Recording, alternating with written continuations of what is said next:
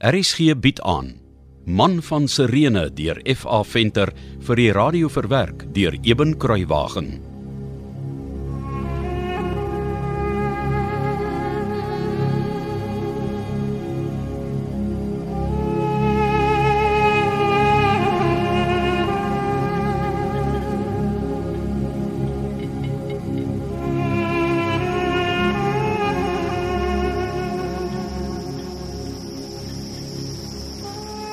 Wil jy dan nie die Messias sien kom nie, Simon? My liewe vrou. Ek smag na die ware Messias soos Israel destyds na Kanaan gesmag het. Jy weet dit tog. Ja. Maar hy moenie 'n armsalige timmerman uit Nasaret wees wat bang is vir Rome nie. Hy moet groot wees. Hy moet die tempels van Rome afbreek en Jerusalem groot maak. Hy moet Israel bevry. Hy moet die wêreld verlos van die vuil goed van Tiberias. En wie sê hy sal nie nog nie? Deborah.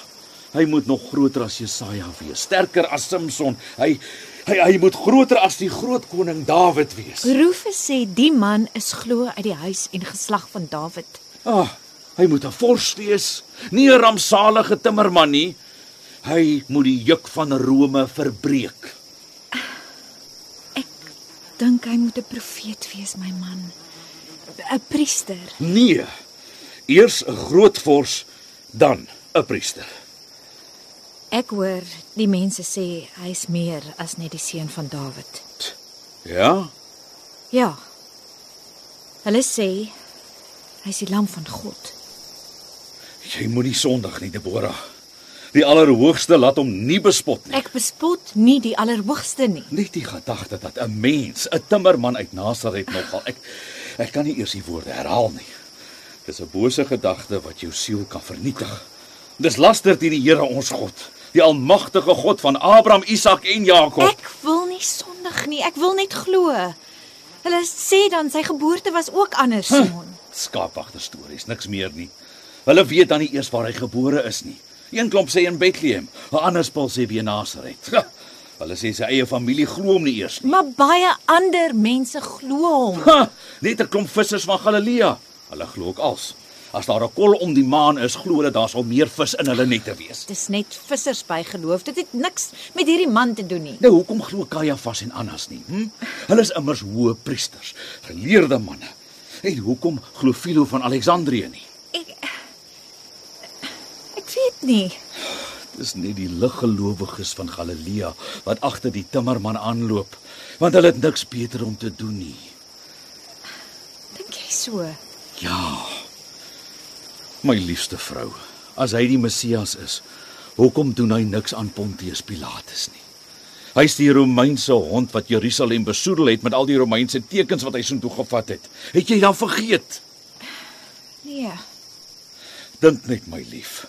As hy die Messias is, hoekom laat hy toe dat ek belasting aan Tiberius moet betaal? Sê die wet dan nie dat ek net aan die Allerhoogste moet betaal nie? Sal die Messias dan nog kom? sien jy die blinkpilare wat die Grieke gebou het in die tyd toe Athene nog vry was? Hm? En die majestueuse suilegange van Sirene? Ja. En sien jy die see van Rome hier voor ons? Ja. Net so seker as wat jy al hierdie dinge hier voor ons sien en so seker as wat die son nou hier op my olyfbome skyn. So seker is dit dat die Messias sal kom. die profete sê so. Dis waar ja. Maar ek kan jou nou al sê. Hy sal nie 'n timmerman uit Nasaret wees wat bang is vir Rome nie. Nee. Hy sal 'n groot vors wees wat die son net oor Jerusalem sal laat skyn. Hy sal ons vrymaak en hy sal ons groot maak. Nes die profete sê. Ja. Ja. Ek jammer ek het jou seer gemaak. Dis als reg. Dis Ag, dis sommer 'n ou kleinigheidjie. Ag, ek wil jou nooit seermaak nie, my liefste Deborah. Nie eers een keer met 'n ou kleinigheidjie nie. Ek weet, my liewe Simon, ek weet. Ons moet net glo. Ons moet glo soos Josua toe hy gebid het die son moet stil staan. Ja. Ek wens ek was een van daai voëls. Dalk is hulle op pad na Egipte. Dan was ek môre by Rufus. Rufus en Alexander. Jy dink net aan hulle, né? Is ek dan so oud dat ek niks meer vir jou beteken? Ag, jy kan nooit oud word nie, Simonige. En jy sal altyd my eerste en enigste liefde wees, Deborah. Of ek jonk is of oud. Voor ek vergeet, wanneer jy vanaand huis toe kom, bring asseblief vir my 'n skepel koring saam. Ek wil dit maal om te bak. Natuurlik. En vanaand wil ek net rus en met jou praat, want my oes is ingegaar. Ek hoef nie môre dou voordag op die land te wees nie. O, oh, ek kan nie wag om net by jou te wees nie. Ah, kyk hoe braai Juba en Esegiel vis daar aan die kant sien jy. Ja, hulle verdien 'n goeie ruskans. Esegiel my getroue knegg en Juba my vryslaaf, my twee beste vriende. Simon, nou dat die oes in is, ek, wees asseblief versigtig. Jy ken hierdie goewerneur. Ja, die vetsak van 'n Sextus Quirinius. Ek vra my prys vir my werk. Solank hy my betaal wat my toekom, het ek vrede. Hy is nie onbillik nie, maar hy streng want hy staan onder Rome.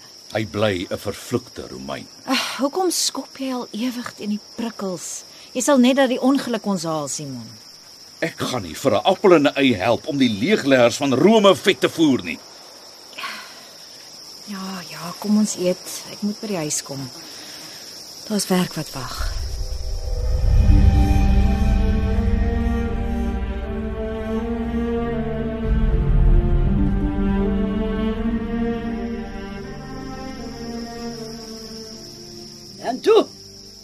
Wat sê die boeraals? Nee, jong, sy het 'n maaltyd vir 'n edelman en haar mandjie saamgebring. Die Almagtige het jou met Deborah geseën soos hy Isak met Rebekka geseën het. 'n Meer deegsame vrou sal jy beswaarlik in die hele Israel kry. Ja nee. Ek is ryklik geseënd. En nou Simon, as afot. Nee, seker nie eintlik nie. Moet ek dit nou verstaan? Ag, ek het vir Deborah gesê, Corinius moenie dink hy gaan my koring vir 'n appel en 'n ei kry nie. Toe waarsku sy my om nie al ewig teen die prikkels te skop nie. So? Esegiel, moenie jy ook nou begin nie. Het jy al die slaaf dopgehou wat hier langs aan werk? Die groot man wat lyk soos 'n Siriër. Die een met die ketting waarin 'n groot eysterbal vas is. Ja, hey, Wat van hom? grief dit jou nie? Elke keer as die stomme skepsel vorentoe wil loop met die skoffelgraaf, moet hy die ketting en die swaar bal met groot gesukkel agter hom aansleep. Ja, ek het al gesien. Slawerny, onderdrukking, geweld. Dis Rome. Hulle wil almal slawe maak, maar ek sterf liewer voor ek 'n slaaf word soos daardie arme man. Of voor ek die knie voor 'n Romeinse baas moet buig. As jy 'n slaaf van Rome is, is jy nog minder werd as 'n dier. Ja, jy's reg Simon nie gar. Ek kan nie daaroor met jou stry nie. Ongelukkig is jy heeltemal reg. Ja. Kom ons maak hier klaar sodat ons kan huis toe gaan. Die einde is darmal in sig.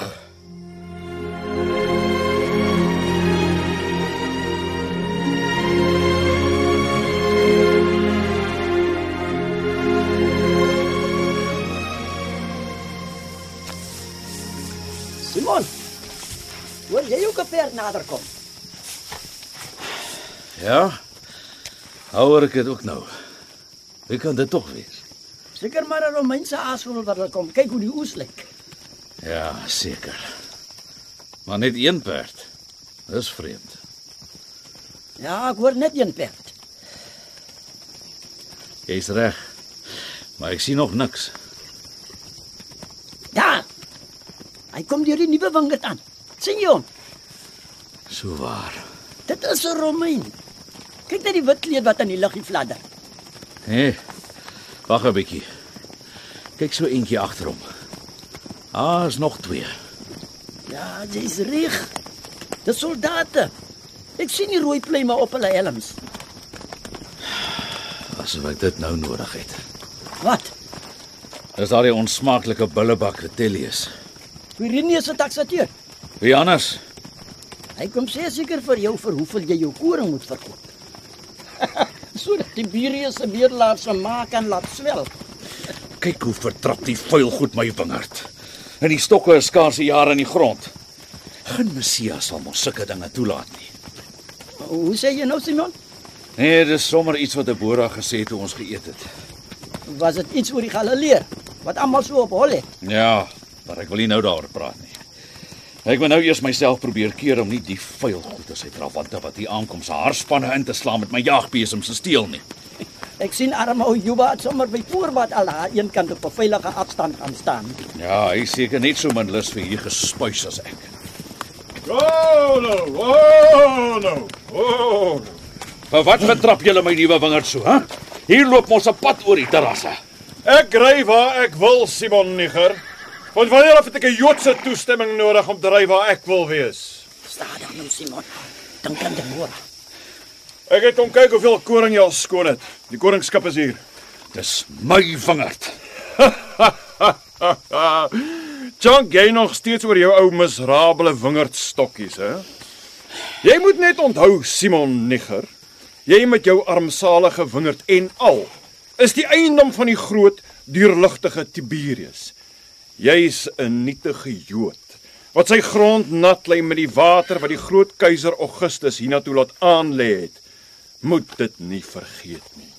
Sonder Rome is jy niks. Dis my grond. Nie Rome se nie. Kom kom.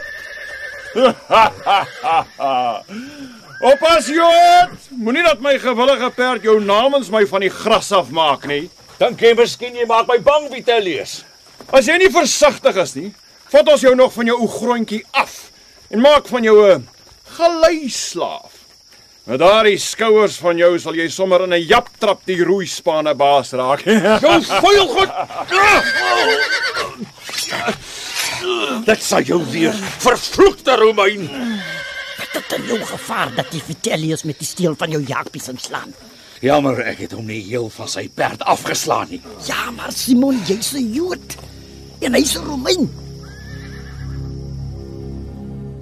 Kom luister gerus maandag verder na Man van Sirene deur F.A. Venter wat vir die eerste keer in 1957 uitgegee is en in 2016 weer uitgegee is deur Lux Werby.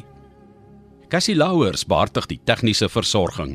Die verhaal word vir RSG verwerk deur Eben Kruiwagen en in Kaapstad opgevoer onder regie van Joni Combrink.